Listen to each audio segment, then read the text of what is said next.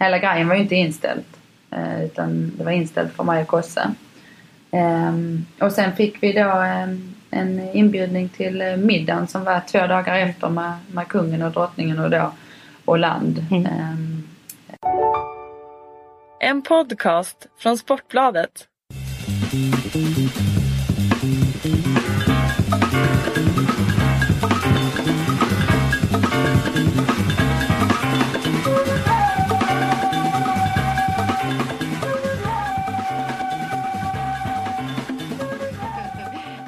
Leende på andra sidan. Caroline Seger, eh, mittfältare, stjärna i damlandslaget och eh, känd, känd fotbollsprofil. Eh, du har fått vila lite för ni kom hem från en eh, sen resa till Moldavien igår. Ja, det blev ganska sent. Jag tror vi var hemma vid en halv två eller något sånt. Så att eh, jag behövde. Det har varit ganska mycket nu på morgonen och återöppningsträning och eh, lite Fifa-spel och, och så. Eh, så att eh, det var skönt. Det var tur att Petra var snäll mot mig. Att jag fick vila lite. Ja, men jag tänkte annars orkar du inte prata på ett bra sätt när du Nej. sitter där och är trött. nej, nej, men det blir också man är lite seg i huvudet. Så att eh, det gäller att vara med på, på intervjuer när man har det. Så att man kan göra bra ifrån sig. Det är väl precis det uppskattar vi. Men är det så också att du är väldigt mediaslipad efter alla år? Ja, men alltså mediaslipad i den form att eh, man kanske funderar lite mer på hur man approachar eh, media. Eh, man har också lärt sig läxor eh, längs vägen att vissa grejer eh, måste stanna inom gruppen eh, för att skydda både gruppen men även sig själv. Så att eh, Eh, det är ju sånt som jag tror att varje, eh, nästan allihopa i alla fall, lär sig under vägens gång. Eh, både på gott och ont naturligtvis. Vad är den, din tuffaste läxa? Alltså... eh, Jag har väl gått på... Eh, alltså det var ju liksom ingenting som var jättejobbigt i, i den mån att eh, jag tog så mycket skada och så utan eh, det var ju mer att liksom man fick äta upp det lite efter då när man hade sagt att man, man skulle avgöra ett mästerskap liksom och alla efter mästerskapet skulle veta vem jag var och så vidare och så underpresterar man totalt. Och det har man ju fått äta upp ganska mycket efter. Ehm, Och var är vi någonstans då? eh, 2005. mitt första 2005 var det det första. Mm. Just det. Så ehm, Och du hade lite kaxig approach där ja. Ja, Mm. jag hade ju det. Jag, jag är nog ganska lik mig själv fortfarande. Alltså, men eh, jag tror att man är mer ödmjuk, kaxig. Skulle jag kalla det. Ja, det är väl bra. Ja. Det kanske inte heller är fel att vara lite kaxig. Eller Nej, men kaxig alltså- men, men ändå Man, Sticka alltså, ut. Någonstans så tycker inte jag det är fel heller att säga att man är en bra fotbollsspelare. För hade det inte varit det så hade man ju inte suttit i den positionen kanske man är nu i, i, eh, i sin karriär. Så att eh, någonstans eh, är det väl bara sunt att man kan säga att man är en bra fotbollsspelare. Du, om vi sneglar ut här så har vi ett jättestort fönster och vi ser eh, Ullevi, alltså den nya eller gamla Ullevi. Nej, vi ser nya Ullevi, stora Ullevi, vad vi nu ska kalla det. Eh, och eh, en bit bo- bort här ligger Gamla Ullevi som är nationalarenan och eh, nu återvänder ni dit på, på tisdag för att möta Polen efter Moldavien borta. Eh, hur viktigt är det för, för er att eh, liksom, få ett möta i publik igen med tanke på att VM inte blev någon framgång och, och liksom vilka förväntningar har du inför det? Alltså först och främst så hoppas jag och tror att eh, vi har inte förlorat eh, det svenska folkets stöd. Eh, att det finns fortfarande ett stort intresse för oss som lag och att man har gått förbi det här, eh, vad ska man säga, alltså för ett par år sedan kanske när, när man gav damfotbollen en chans och, och endast en chans kanske och sen var det liksom inget vidare och så kom man aldrig mer tillbaka. Så att vi, vi har tagit nästa steg där med, med våra fans i form av att man stöttar i, i vått och torrt. Um, så det ska bli otroligt spännande att se hur många som, som dyker upp på tisdag. Jag hoppas att det är många och, och, uh, som vill komma och stötta oss. Och att vi även kan ge tillbaks eh, i form av en bättre fotboll eh, än vad vi presterar i VM. Tror du att bilden eh, ändå har förändrats efter, efter VM? Eftersom det blir ju ganska... Oj! nu är det en... Eh, ja, det var intressant. Det är en eh, sån här tavla som åker upp av sig själv. Mm. Ja. Det var faktiskt inte jag. Det var inte du. Du har Nej. inga magiska Nej. krafter. eh, nej, men tror du att bilden har förändrats? Eh, Ni, ni gick ju på en tung smäll i VM och eh, det var en hård kritik både från er själva och från oss och från fans. Eh, nej men alltså jag tror, liksom om man då tar 2013 då vi, vi spelade på hemmaplan och det blev ett sånt uppsving och det var så positivt och Alltså det väcker ju också en nyfikenhet hos kanske de, det fotbollsfolk som man inte har haft innan och Ehm, att man fick med sig kanske, man vann över många på, på sin sida och fler som blev intresserade av, av svenska damlandslaget. Ehm, och jag tror och hoppas liksom att, att den, det intresset finns kvar och, och trots det här misslyckandet i, i VM ändå för att Alltså som du säger så det var ju ingen som, eller jag tror i, i, att det är ingen av oss som, som eh, riktar hårdare kritik än oss själva liksom mot den prestationen. Ehm, så jag hoppas verkligen att, eh, att folk kommer och eh, stöttar oss i, i det oavsett att Alltså så går det ju i fotboll ibland. Det går upp och ner hela tiden. Men sen finns det en viss kritik som eh, känns tuffare mot er än, än nu har det varit rätt tufft mot herrlandslaget också men, men det finns också ett slags underlag för de här som är kritiska bara för att ni tjejer spelar fotboll som kommer fram i de här sammanhangen. Eller har du inte, väljer du att inte se dem? Nej men alltså jag tror att alltså under, under min karriär så har det alltid funnits eh, alltså de här människorna som, som får utrymme och tar utrymme eh, i form av att eh, tycka och tänka saker liksom. Men alltså någonstans så kanske man kan vända på det också att så länge det pratas om oss och, och diskuteras och har åsikter och oavsett om det är positivt eller negativt så, så hörs och syns det. Ehm, men jag väljer framförallt att fokusera på, på alla de människor som finns där för oss och som stöttar oss. Och, eh, jag menar, folk kommer för att se oss, betalar för att se oss och då vill man se en fin fotboll. Sen är det de som, som är experter utanför plan och, och kommer alltid vara det men det är ju det som är det fina med fotbollen också. Att, alltså när, när folk eh, har känslor och visar känslor och pratar om det så då är det ju intressant. Då är det ju ett ämne som antagligen de brinner för också. Så att eh, jag väljer att se alla de, de positiva och, och eh, alla de som faktiskt eh, hänger på och stöttar oss. Det var rätt tufft där. Ex- Experterna, eh, till exempel i TV4, var ju rätt hårda mot er. Har ni ta- tagit del av den kritiken efteråt? Nej, alltså jag är rätt, eh, vad ska jag säga, jag, det är väl också en erfarenhet man har lärt sig eh, med åren att man, alltså jag undviker det så mycket jag kan. Eh,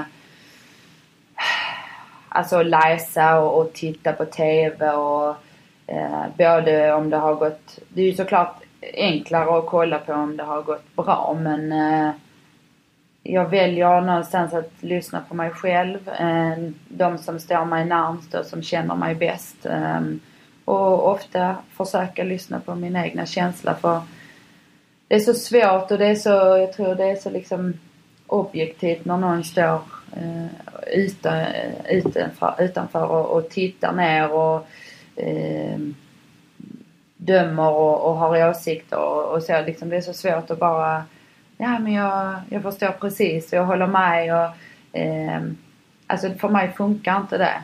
Eh, när de står, och sen så är ju det deras arbete men jag har valt liksom det är samma med, med, med tidningar och sociala medier. Alltså just under ett mästerskap så Alltså för mig så vill jag lägga fokus och energi på, på det jag ska göra på plan och det är därför jag är där och, och jag behöver liksom verkligen lägga ner allt jag har på, på eh, om det kan nu vara en och en halv månad. Ehm, då har jag inte tid att spilla någon form av energi på något annat.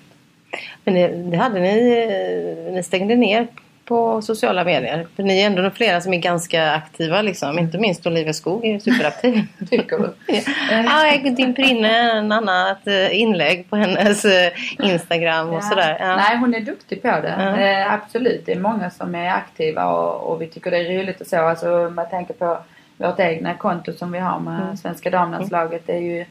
Är det ni som tar bilderna där eller? Eh, nej, det är eh, Rebecca Mm. eh, först och främst. Men det är klart att det är ibland spelare och så som har någon bild som vi kan ge till Rebecca. Men eh, ja, vi tog det beslutet eh, och valde att göra så. För som jag säger kanske vi, vi som var lite mer rutinerande, rutinerade och med mer erfarenhet eh, kände att ja, men om vi nu är här under en och en halv månad tillsammans så, så har vi eh, då både Facebook och, och den här Instagram-sidan då som Svenska fotbollsförbundet har och eh, då kan vi lägga fokus på det vi ska göra på plan. Sen om det var rätt eller fel, alltså det får ju en utvärdering någonstans. Eh, vi får se eh, efter en utvärdering för att eh, det är viktigt att man tar upp sådana grejer också. Känslan och hur, hur man har tagit det och finns det något vi skulle kunna gjort annorlunda och så. Utan det var ju mer en, en känsla där och då som vi gick på. Ni har haft analysgenomgång. Pia Sundhage och sitt ledarteamet har gjort eh, sin långa djupa analys och hon har delgivit er vissa delar under den här veckan. Vilka delar där har du tagit till dig och är det något du saknar? Uh, nej, alltså som du säger så alltså är ju inte det här arbetet riktigt klart än. Uh, det som vi har fått ta del av är ju statistiken från matcherna som vi spelar, um, eller spelade. Um, och så har vi fått sitta i grupper och diskutera i form av eh, känslorna eh, i de här matcherna. Hur man kände liksom innan och efter och under och bara mest för att eh, se så att vi har eh, på samma spår allihopa. Eh, och sen har vi även fått ta del eh, av den individuella utvärderingen som vi har fått göra liksom anonymt. Så eh, Alltså det känns bra. Det känns som att vi alla har, eh, alltså vi känner samma och vi tycker lika och vi eh, uppfattar VM på samma sätt. Och, eh, alltså det känns bra och någonstans, som Marika tror jag sa att eh, vid misslyckande så då liksom tittar man och går igenom allting väldigt noggrant. Alltså när man har lyckats så då funkar ju oftast allting bra och felfritt men just här så ser man med väldigt kritiska ögon vilket förmodligen gör oss bättre och eh, starkare till nästa mästerskap. Om du skulle bara på ett kort sätt summera dina tankar om VM. Vi har ju hört om lite grann förut men, men har du benat ut liksom, några grundpunkter som du anser? Nej men alltså något som vi, eller som man känner att man är rörande överens om det är ju alltså främst det här med när vi kom till pre-camp i, i VM så är vi redan många skadade spelare. Vi eh, Ehm, har många spelare som inte då har spelat 90 minuter i sina hemmiljöer vilket i sin tur gör eh, inte optimalt när man går in i ett mästerskap. Eh, och just att komma in i, i pre-camp och, och behöva fokusera på skador och försvarsspelet som inte satt innan vi åkte till VM och börja liksom bena i det och lägga allt fokus på försvarsspel. Eh, det tog ju bort mycket av vårt anfallsspel. Eh, så att eh, det är väl några punkter som man känner att det var inte optimalt för oss när vi åkte. Mm. På något sätt.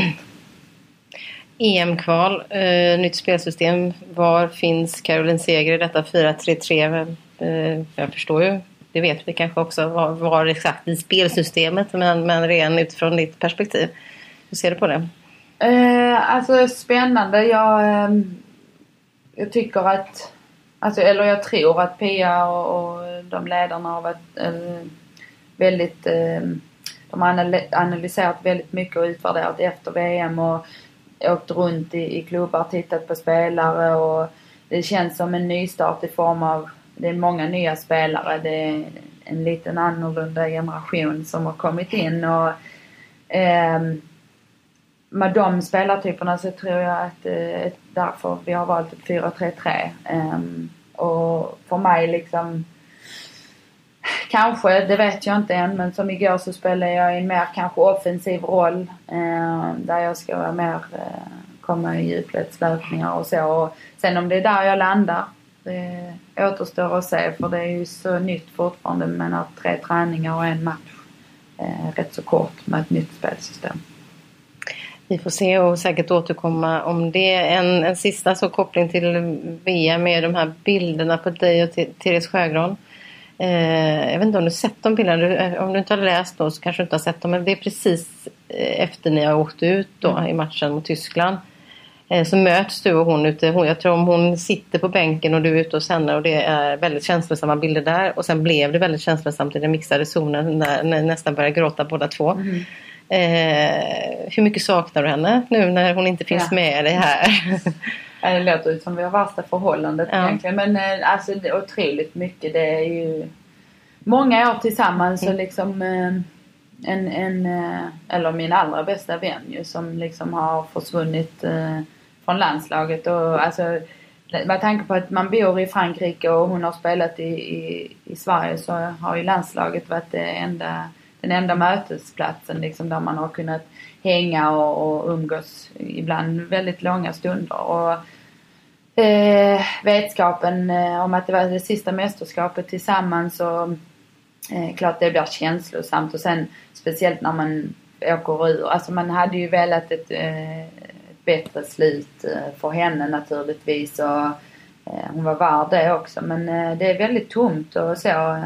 Jag tror du vet man vänjer sig och det kommer nya personer in i landslaget och eh, men hon är ju jättesaknad, inte bara av mig utan eh, av allihopa. Hon, hon är ju väldigt speciell som, som människa. Hon kanske värvade till eh, Rosengård nu? Ja, vi får se nu när hon är sportchef. Ja. Så och du har ett år kvar kanske? Ja. Mm. Hon, hon har inte börjat än eller? Nej, hon har inte. Alltså det är klart hon pikar och ja. håller på mm. men sen där måste ju Alltså vi var professionella båda två mm. så, och hon vet ju om det till syvende och sist. Är det inte mig hon ska prata med men eh, hon är, jag tror hon ligger lågt än så länge. Ja, det är en stund kvar. Ja. Du, apropå Therese så, så, så har hon alltid hamnat i ett fokus på fotbollsgalorna då när, med, med utebliven uppmärksamhet. Och, cykelbråk med Ibrahimovic. Eh, och det, nu kommer det ju en fotbollsgala här i höst igen, inte så himla långt bort. Eh, har du överhuvudtaget tänkt på den om du tänker gå eller eh, inte? Eh, nej, eh, aldrig så har jag inte det. Först och främst så vet jag inte när Nomineringen? Nej, den nej. är 9 november tror jag. Ja och sen det också, men jag kunde ju inte gå på förra med tanke på att vi hade Champions mm. League och jag vet inte alls hur schemat ligger nu om de har tagit det i, ehm, eh, alltså att eh, Svenska fotbollsförbundet ens har tänkt på det. Jag vet att det var snack förra året redan om att eh, de skulle väl prata om det och jag kan ju tycka att det kan inte vara, jag vet inte men jag kan tycka att det kan inte vara så svårt egentligen. Ehm. Den ligger på första dagen av herrarnas samling inför playoffet. Mm. Mm. Precis. På samma ställe där den brukar ligga. Ja, nej men var det inte 14? Men det kanske var lite senare. Mm.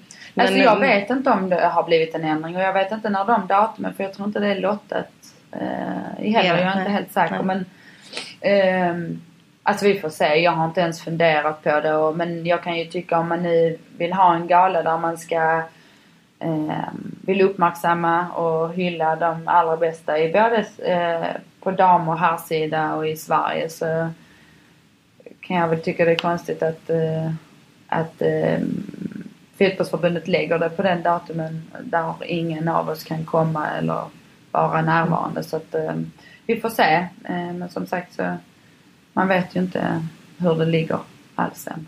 Nej, inte i förhållande till era Champions League-matcher. Men vi vet att det ligger på, på herrlandslagets första samling där. Det är deras landslagsplayoff. Ja. Det är liksom garantin för att få dit killarna. Ja. Nej men så det har väl varit så egentligen. De har ju alltid haft eh, sina samlingar just där och då fått eh, de eh, kom ju inte annars. Nej. Så jag tror det var anledningen till att man la så. så att, eh, som jag sa så hoppas jag ju att de har tänkt efter och, och, gjort det bästa möjliga för att vi ska kunna vara med. För att eh, det är ju en, en gala där man ska uppmärksamma både dam och herr. Så. Apropå både dam och herr så är ju du nu då i en miljö i Paris Saint-Germain som är verkligen en toppklubb för både dam och för herr. Eh, och jag var nere och hälsade på dig i våras bland annat ute på er träningsanläggning. Eh, inte långt från killarna men det är inte samma anläggning Nej. som ni har. Eh, Men hur skulle du beskriva ditt, eh, ditt liv i, liksom Paris och, och, och PSG? Vilka förutsättningar och möjligheter känner du att du har där? Nej men alltså, alltså PSGs satsning är ju väldigt stor och eh, det här projektet är alltså stort både för dam och herr. Eh, det känns verkligen att man är en del av det. Det, det känns som att eh, vi har alla förutsättningar för att eh, Alltså jag menar vi gick till Champions League-final förra året och jag tror damlaget är tre, fyra år gammalt. Eh, så det är ganska snabb utveckling på så sätt. Vi, jag tror jag sa till dig också i våras att jag behöver inte fokusera på någonting annat än fotbollen. Alltså jag behöver bara lägga all min tid och energi på det och Eh, det är ju därför man är fotbollsspelare på något sätt för att jag ska inte bry mig om vi har pengar till resor eller om vi ska få mat efter matcher eller om det ska vara en sjukgymnast-fulltid eh, eller allting finns och alla förutsättningar finns. Eh, sen så som sagt så kan det alltid bli bättre. Ehm, och det är ju någonstans det man måste titta på också. Alltså utvecklas vi varje år så, ehm, så känns det väldigt bra. Ehm, För det är viktigt att vi hela tiden tar nästa steg och att vi går framåt liksom i den här satsningen. Så att eh, det är ett väldigt bra liv i, Paris. Hur eh, kan du känna att eh, fotbollsmässigt att du utvecklats? Det är en säsong nu då.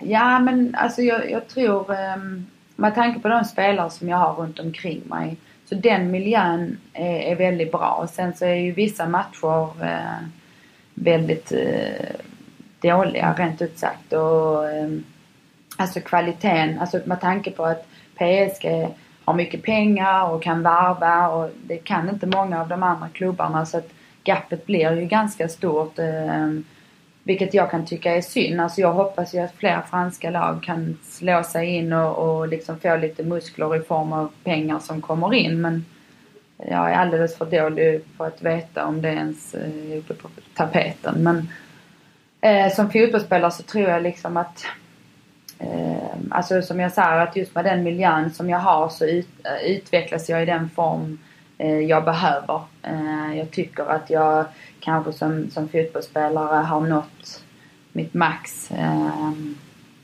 ja, det känns som det i alla fall. Jag tror inte att jag kan bli så mycket bättre än vad jag är idag. Eh, sen hoppas man ju alltid, det hade varit roligt att få lite, lite Lotta-speed eller något sånt men jag tror inte det kommer Det funka. kom, men speeden kan vara svår när man är 30 Ja, där. precis. Nej, men den har... Ja, det kan vi låta vara där. Men, eh, nej, men jag tror det och, och eh, alltså... Eh, jag får ju ändå spela Champions League och, och tuffa matcher på så sätt. Så att just med tempo och, och sånt så tycker jag liksom inte att det gör mig till en sämre fotbollsspelare. Du eh, sa också då i våras när vi pratade om det här att du känner den här klubbkänslan. Det är ju också handbollen och att man är en stor klubb och att du, att du uppskattade att flera av herrspelarna har varit ute på matcher. Nu tror jag senast när ni mötte Montpellier så var Lukas ute och tittade.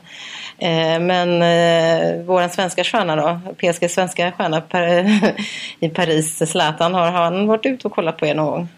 Eh, inte vad jag vet. Nej, Eh, det hade du varit- sett kanske. Ja, det hade man nog märkt Mm, mm. också om han hade varit. Hur, hur skulle du beskriva, finns det någon form av ändå kontakt eller liksom relation mellan er, säger jag då eftersom vi har fler svenska spelare i, i PSG och honom? Ingen relation. Ingen relation alls? Nej. Är, är du förvånad över att det är så? Nej, det är jag nog inte. Alltså, jag hade inte förväntat mig det. eh, Att det skulle bli någon form av relation. Så, ehm, nej, förvånad är jag inte. Hade du velat att det skulle vara annorlunda? Alltså det är ingenting liksom jag, jag går runt och funderar på. ehm, alltså som jag tycker, åh gud vad tråkigt och jag önskar att det var så här. Och, alltså han, för mig är han liksom, som vi alla säger, eh, den största vi har haft inom svensk fotboll och fantastisk fotbollsspelare. Och det skulle vara jätteroligt att träffa honom. Eh, jag har bara gjort Men jag tänkte, har du inte träffat honom? jag har bara träffat honom på fotbollsgalan då när han delade ut eh, Vi fick ju någon, någon present där 2011 efter VM. Jag vet inte om det var ett eh, halsband eller något sånt från det. Wattling som Mm. han var med på scen och så. Alltså det var Det enda mötet jag har haft med honom. Jag vet att när jag vann Diamantbollen så eh, eh, var han inte där så jag fick inte träffa honom då heller. Så det. det är nog inte meningen att våra vägar ska mötas. Nej, men det är inte för sent. Nej, precis. men eh, när kungafamiljen var på besök då för något år sedan var det va? Mm. I Paris så, så eh, var det inte så att det var planerat för kungafamiljen kom till, till Parc des Princes för att träffa Zlatan. Eh, men visst var det ändå planerat att ni skulle vara där också samtidigt? Ja, det var planerat och, och bestämt att vi skulle... Den informationen vi fick eh, var att eh, vi skulle infinna oss, eh, ja, om det var en tisdag sa vi. Eh, och eh, sen på kvällen så fick vi ett nytt besked att det var inställt. Eh, och det var ju inte inställt... Hela grejen var ju inte inställt. Eh, utan det var inställt för mig och Kosse. Ehm, och sen fick vi då ehm, en inbjudning till eh, middagen som var två dagar efter med, med kungen och drottningen och då Hollande. Mm. Ehm, eh, men för oss var det inställt. Hur reagerade du när du fick eh, den informationen då? Nej men alltså det som jag har sagt eh, till folk liksom när de har frågat så har jag bara, alltså jag har mina spekulationer. Jag har mina åsikter. Ehm, man har tyckt och tänkt men för, för mig så, så bestämde jag mig ganska snabbt att inte lägga energi på det, inte alltså fundera för mycket utan eh, alltså jag, jag orkar inte utan jag ville bara liksom lämna det och, och känna att eh, alltså ta, ta mer än vad det ger Mm. mig och sen lämnar jag spekulationer eh, för andra att, eh, att tycka och tänka sitt. Men kan du svara på frågan om du tror att det var Zlatan som såg till att inte ni fick möjlighet att komma dit? Det får ni fråga honom. Eh, ja, som, som jag säger så alltså, har man sina egna spekulationer men eh, jag vill inte gå djupare på det. Du vill inte gå djupare. Ändå sitter vi här ensamma inne på ett rum Jag har en stor mikrofon. med en stor mikrofon som tar upp allt ljud. Ja, precis. Nej men jag lämnar, alltså jag känner bara alltså den tiden är förbi också. Alltså Mm. jag känner liksom att den diskussionen i så fall skulle den varit uppe direkt. Den skulle varit eh, utagerad eh, i form av att eh, fler skulle ställa frågor och, och ifrågasätta i så fall och det, det hände inte så att eh, så känner inte jag heller att det är någonting man behöver bry sig om. Hur var middagen då med kungen? Jag har sett eh, bilder på dig och Kosovare Aslan i snygga svarta klänningar och high heels. Det var verkligen inte några, några fotbollsskor då. Nej, det var nog tur. För det fick man ta på sig. Men eh, det var väldigt trevligt. Jag har, varit, jag har varit bjuden en gång innan och varit på en kungamiddag i, eh, i Stockholm faktiskt. Mm. Eh, och eh, första gången var väldigt annorlunda och lite nervöst och jobbigt. Men eh, eh, denna gången var mer avslappnat och man visste ju liksom mer vad som skulle hända och hur det gick till och hur man ska äta. Och, Ja, precis utifrån och in. Mm. Du hade med dig. Eh, nej men och så är det ju liksom alltid man börjar med ett eh, knäckebröd. Och första gången då när jag var där så tänkte jag herregud ska jag äta upp det eller ska det ligga där? För jag tyckte det var ingen som rörde det. Nej.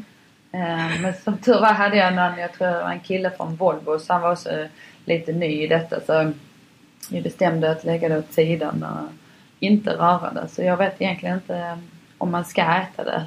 Mysteriet med knäckebröd. Botox Cosmetic, out of botulinum toxin A, FDA approved for over 20 years. So, talk to your specialist to see if Botox Cosmetic is right for you.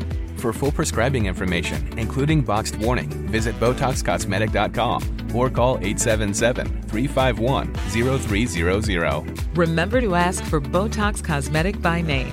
To see for yourself and learn more, visit BotoxCosmetic.com. That's BotoxCosmetic.com.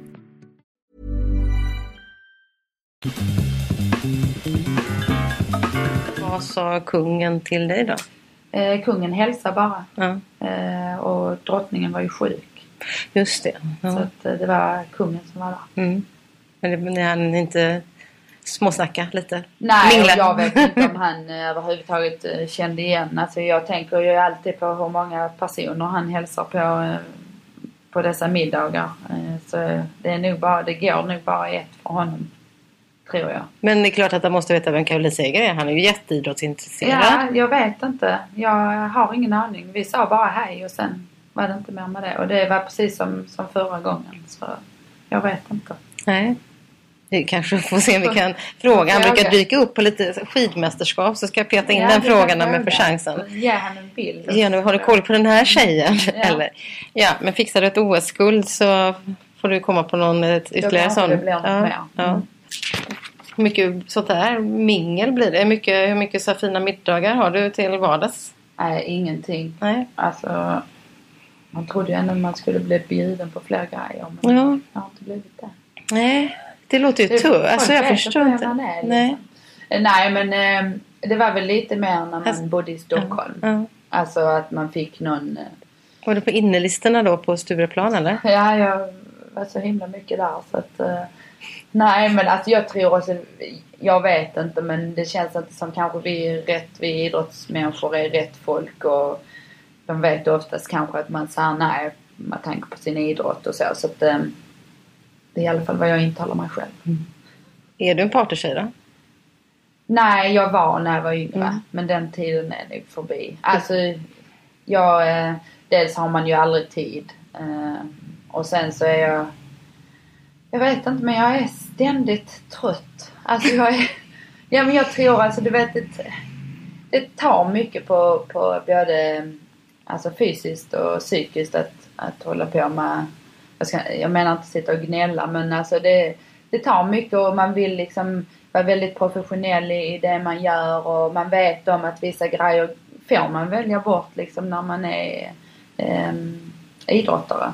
Och det är inget konstigt, det är ju ett val man tar och någonting som, som krävs för att man ska liksom bli absolut bäst. Mm.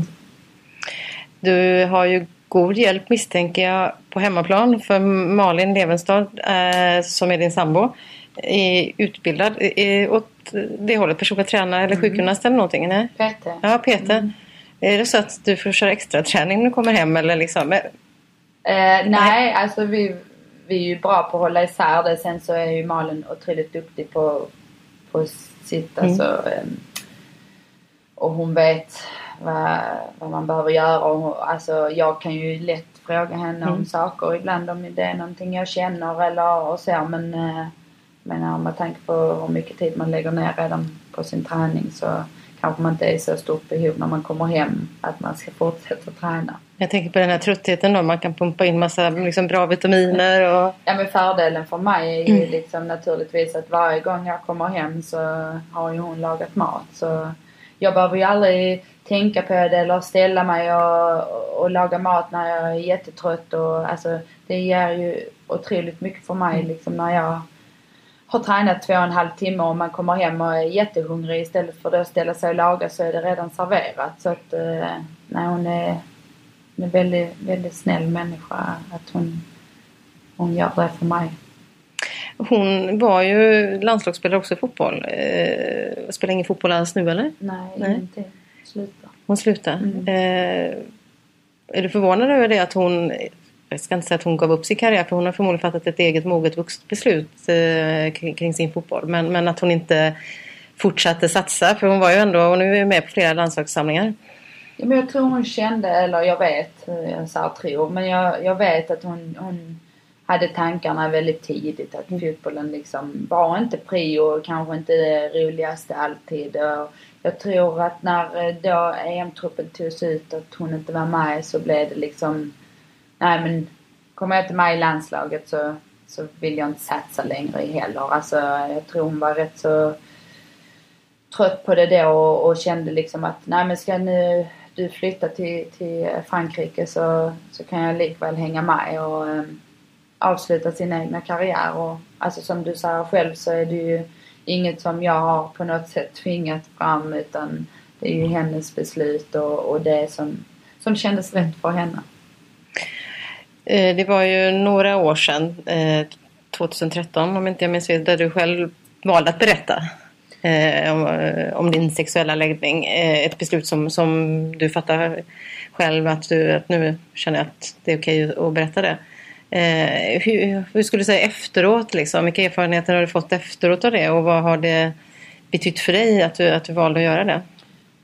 Alltså, jag kommer ihåg, jag, jag tror jag gjorde en intervju med KX. Um, ehm, och så, sa, så, så ställde hon samma fråga liksom, ja men vad det betytt och, och, och för mig så, alltså jag har alltid varit samma, samma människa. Jag har alltid eh, varit, eh, jag ska inte säga trygg i, i den jag är för att det, det är fel för jag, jag kan fortfarande ännu liksom känna att det är svårt och, och, och det, är, det är jättesorgligt. Jag kan bli arg på mig själv liksom men det är svårt att fullkomligt liksom gå ut och, och, och visa sig helt öppet. Ni tillsammans med ja, det? Ja, och jag tror vi är ganska lika där. Malin är kanske lite annorlunda men för mig, jag vet inte om det har att göra med att jag är liksom en, en offentlig person eller men jag, bara, jag, är, jag kan inte säga att jag är totalt trygg. Sen är jag tryggare. Mm. Um, men liksom jag kommer från en familj som alltid har stöttat och, och, och hjälpt och accepterat och eh, vilket har gjort det mycket lättare att leva eh, mitt liv mm. och, och med en tjej i, i detta fall. Så alltså jag Ja, jag, jag svarar till henne liksom att för mig har det aldrig varit en stor grej att komma ut i, i heller stor grej. Men alltså just att jag kände liksom, jag har ju levt så här hela tiden. Mm. Alltså nu att jag bara berättar det är ju, det är ju bara för att vi sitter och har en intervju liksom och att jag, du frågar mig, mm. ställer en fråga om jag är tillsammans med någon. Så att, men så svarar hon liksom mig att alltså, det är så stort för, för vi som sitter vid sidan mm. om liksom och se att, att du som ändå är en förebild och idol för många kan leva vilket liv som helst. Du kan må bra och du kan, du kan leva med en tjej och, och alltså att det gör så mycket för många andra. Och alltså jag, för mig där och då så hade jag väldigt svårt att förstå det. Eh, sen blir jag jätteglad om det nu kan vara så att, eh, att någon kan eh, öppna upp eh, inom sin familj och för sina vänner och efter de har sett att, att jag mår bra och lever ett fullt normalt liv oavsett vem jag väljer att leva med. Så, um, det har varit en, en eh, erfarenhet uh, att, alltså just ändå att, att man har, man har hört andra folk liksom vad de har tyckt om det och, mm. och så. Men för mig så, så hade jag ju levt under många år, alltså en öppenhet inom de som kände mig. Sen att kanske inte hela Sverige visste om det, det man vet ju inte allt om alla konstigt kommer ut. Nej, så är det. Sen, nej, så är det mm. Men det tror jag också som hon säger där att, eh, eller som du är inne på själv att eh, det blir, man, ni, ni som är förebilder redan blir ju förebild på flera sätt. Eh, inte bara att man kan bli en bra fotbollsspelare och, och, få spela utomlands. Det finns ju flera aspekter i det här då, där man också blir förebilder. Definitivt. Har du fått respons? Har du fått mycket feedback på mejl och brev och så från, från andra tjejer som är i samma situation? Eller killar? Nej, det ska jag inte, alltså det ska jag inte säga. Alltså jag... Um, alltså det är väl mer bara, alltså som jag säger, hade ingen vetat om detta från början så kanske Alltså just från nära och kära och, och kompisar och så hade liksom mer reagerat och kanske skickat något. Men eftersom att jag hade varit så öppen under många år så jag tror inte det kom som en chock för någon. Och 2013, jag var ju ganska sen sist av alla om man säger så, som har redan mm. kommit mm. Ut och, och, gjort det lättare för oss andra. Så jag tror inte min nyhet var liksom stor och chockerande för folk. Det känns som att där vi, är, där vi var 2013, där vi är just nu, så känns det inte heller som en big deal. Nej, alltså jag menar bara att kunna sitta och prata om det och, och känna sig bekväm mm. med det. Jag vet ju liksom i, i början när jag spelade i Linköping 2006 och, och jag hade eh, en tjej redan då men jag kunde liksom, när de frågade mig så var jag alltid singel. Alltså jag kunde ju inte säga det. Jag klarade ju inte det och jag kunde inte stå för det och det var, alltså innan intervjuer kunde det vara jobbigt för mig att eh, eh, veta om att denna frågan, alltså jag menar nio av tio gånger så ställer man ju frågan familj. Mm. Och det var jättejobbigt för mig. Det var den svåra frågan i hela Det intervjun. var den svåra ja, frågan. Ja. ja, för då tvingades du också att ljuga. Ja, och liksom... Och det kan inte så mycket Caroline känner jag. Nej, det är definitivt inte. Alltså, inte med tanke på den person man är, men liksom just att det bara kändes konstigt Mm, mm. och jobbigt att inte kunna liksom... Jag menar att det var, det var säkert okej, men det var ju ett par år sedan och, och eh, det var jobbigt. Mm. Alltså det var, man var, man var väl ganska...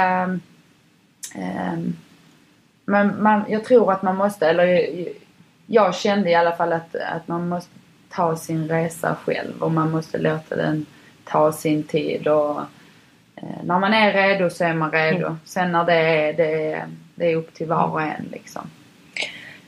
Att i landslaget eh, finns flera som är i samma situation. Hedvig Lindahl är väldigt öppen och Nilla Fischer bland annat. Eh, Är det också en, har, var det också en trygghet för dig så att säga liksom, i det här att eh,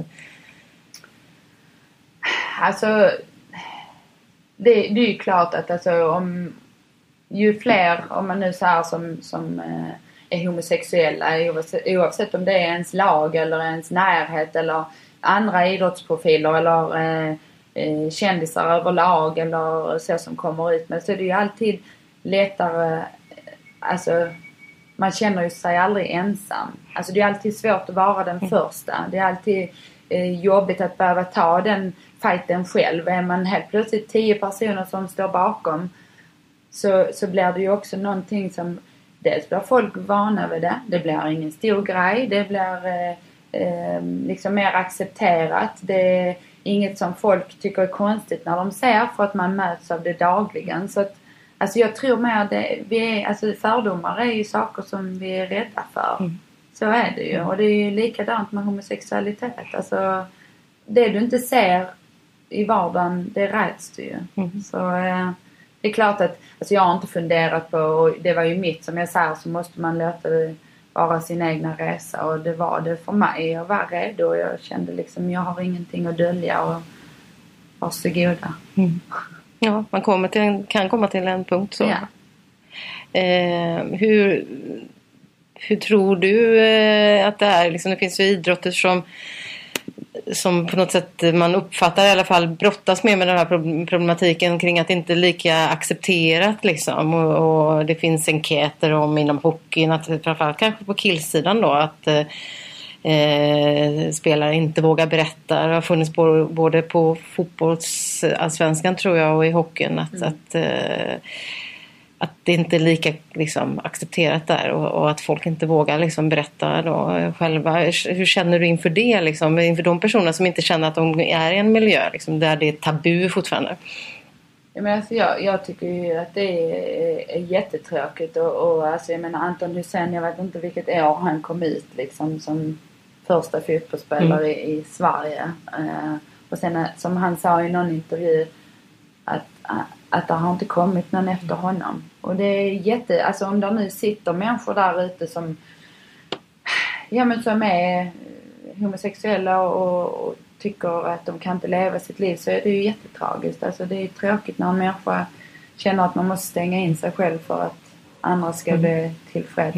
Um, um, men alltså jag, jag har tänkt mycket på den grejen och, och alltså vi vet ju, det är ju en oändlig diskussion i att det är machokultur och att det, det är skällsord fortfarande och det, alltså jag tror att killar är ganska tuffa i omklädningsrum och så också att jag menar det, det hade inte spelat någon roll om jag var idrottare eller om jag jobbade på, på ICA och dagligen möttes varje gång jag kom in av eh, eh, jag menar alla lesbiska är så äckliga och alltså en, jag kan säga att jag tror inte att jag hade då liksom Mm. gått in på min arbetsplats och räckt upp handen och sagt Oh, men jag är homosexuell.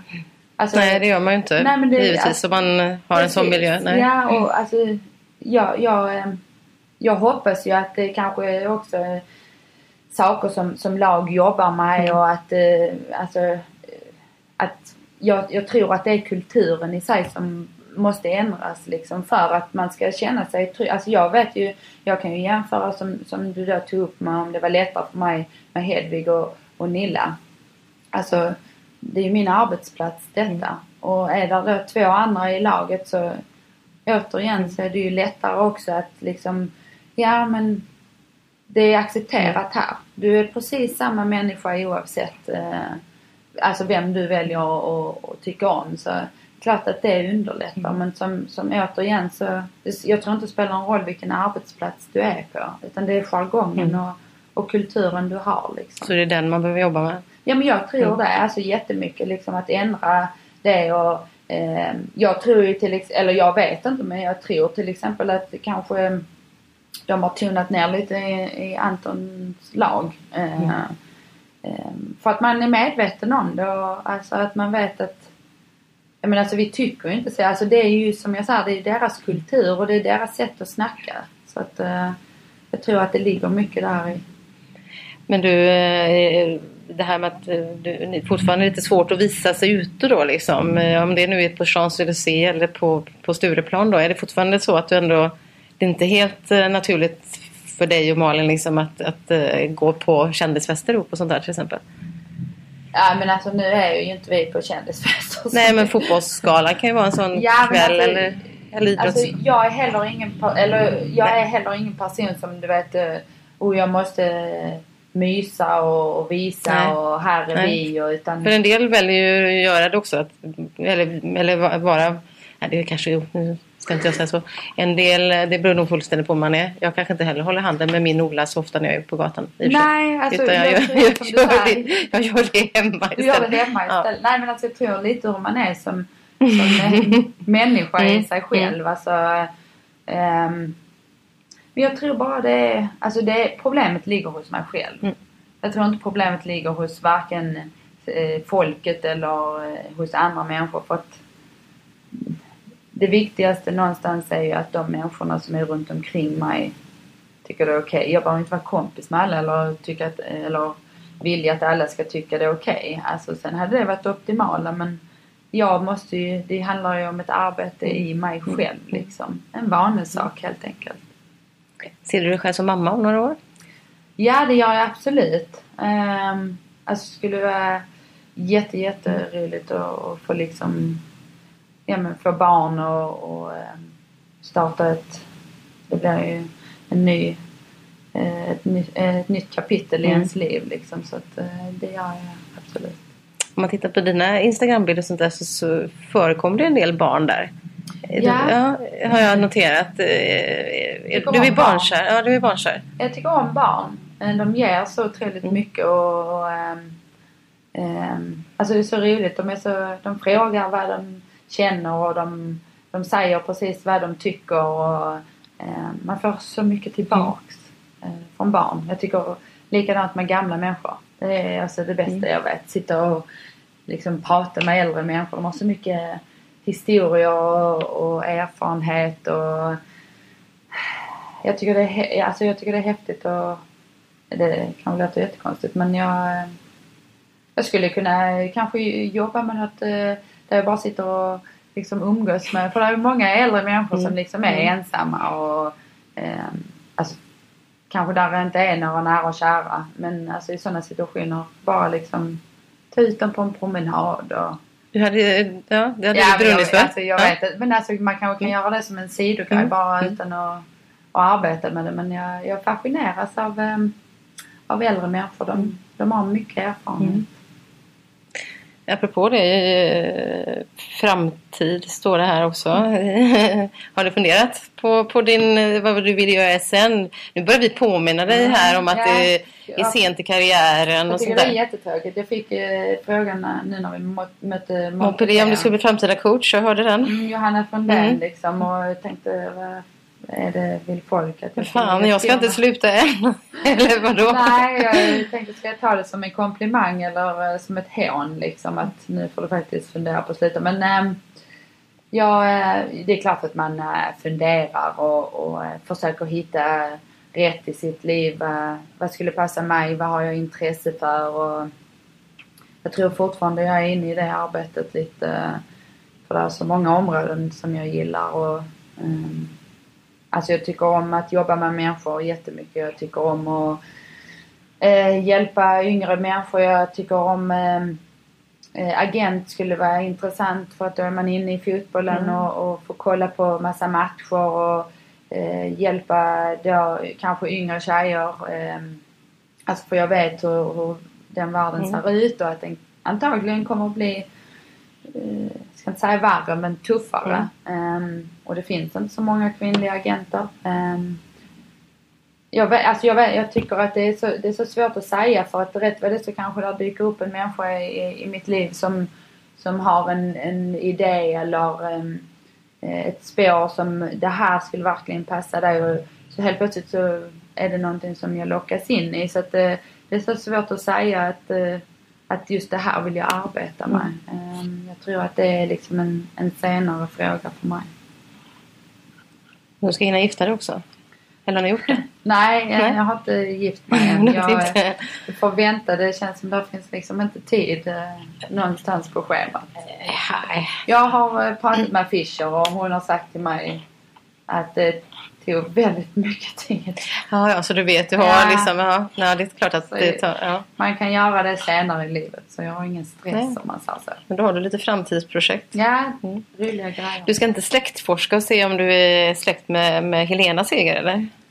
Nej, det har jag inga planer på. Nej, jag vet redan att jag inte är det. Jag tror att min, eh, mina, min farmor och farfar höll på mycket med sånt eh, Ja. innan och eh, jag tror inte det är någonting överhuvudtaget. Finns ingen koppling där. Nej. Nej. Nej. Det är bra. Eh, Caroline eh, Seger. Mm. Eh, vad önskade du mest nu av den här hösten om vi ska avrunda vår sittning här? Vad, vad ser du fram emot mest här de kommande månaderna?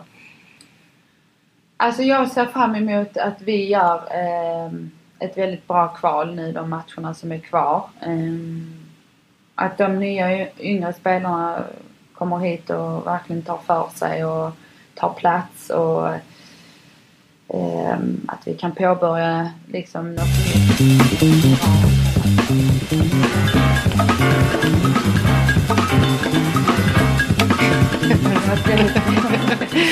Eh, det hade varit kul. Men eh, det blir tufft. Det är precis nu när vi kommer tillbaks från detta lägret. Ja. Men det hade varit, väldigt, det hade varit en bra höst. Tack ska du ha för att Tack du själv. tog dig tid.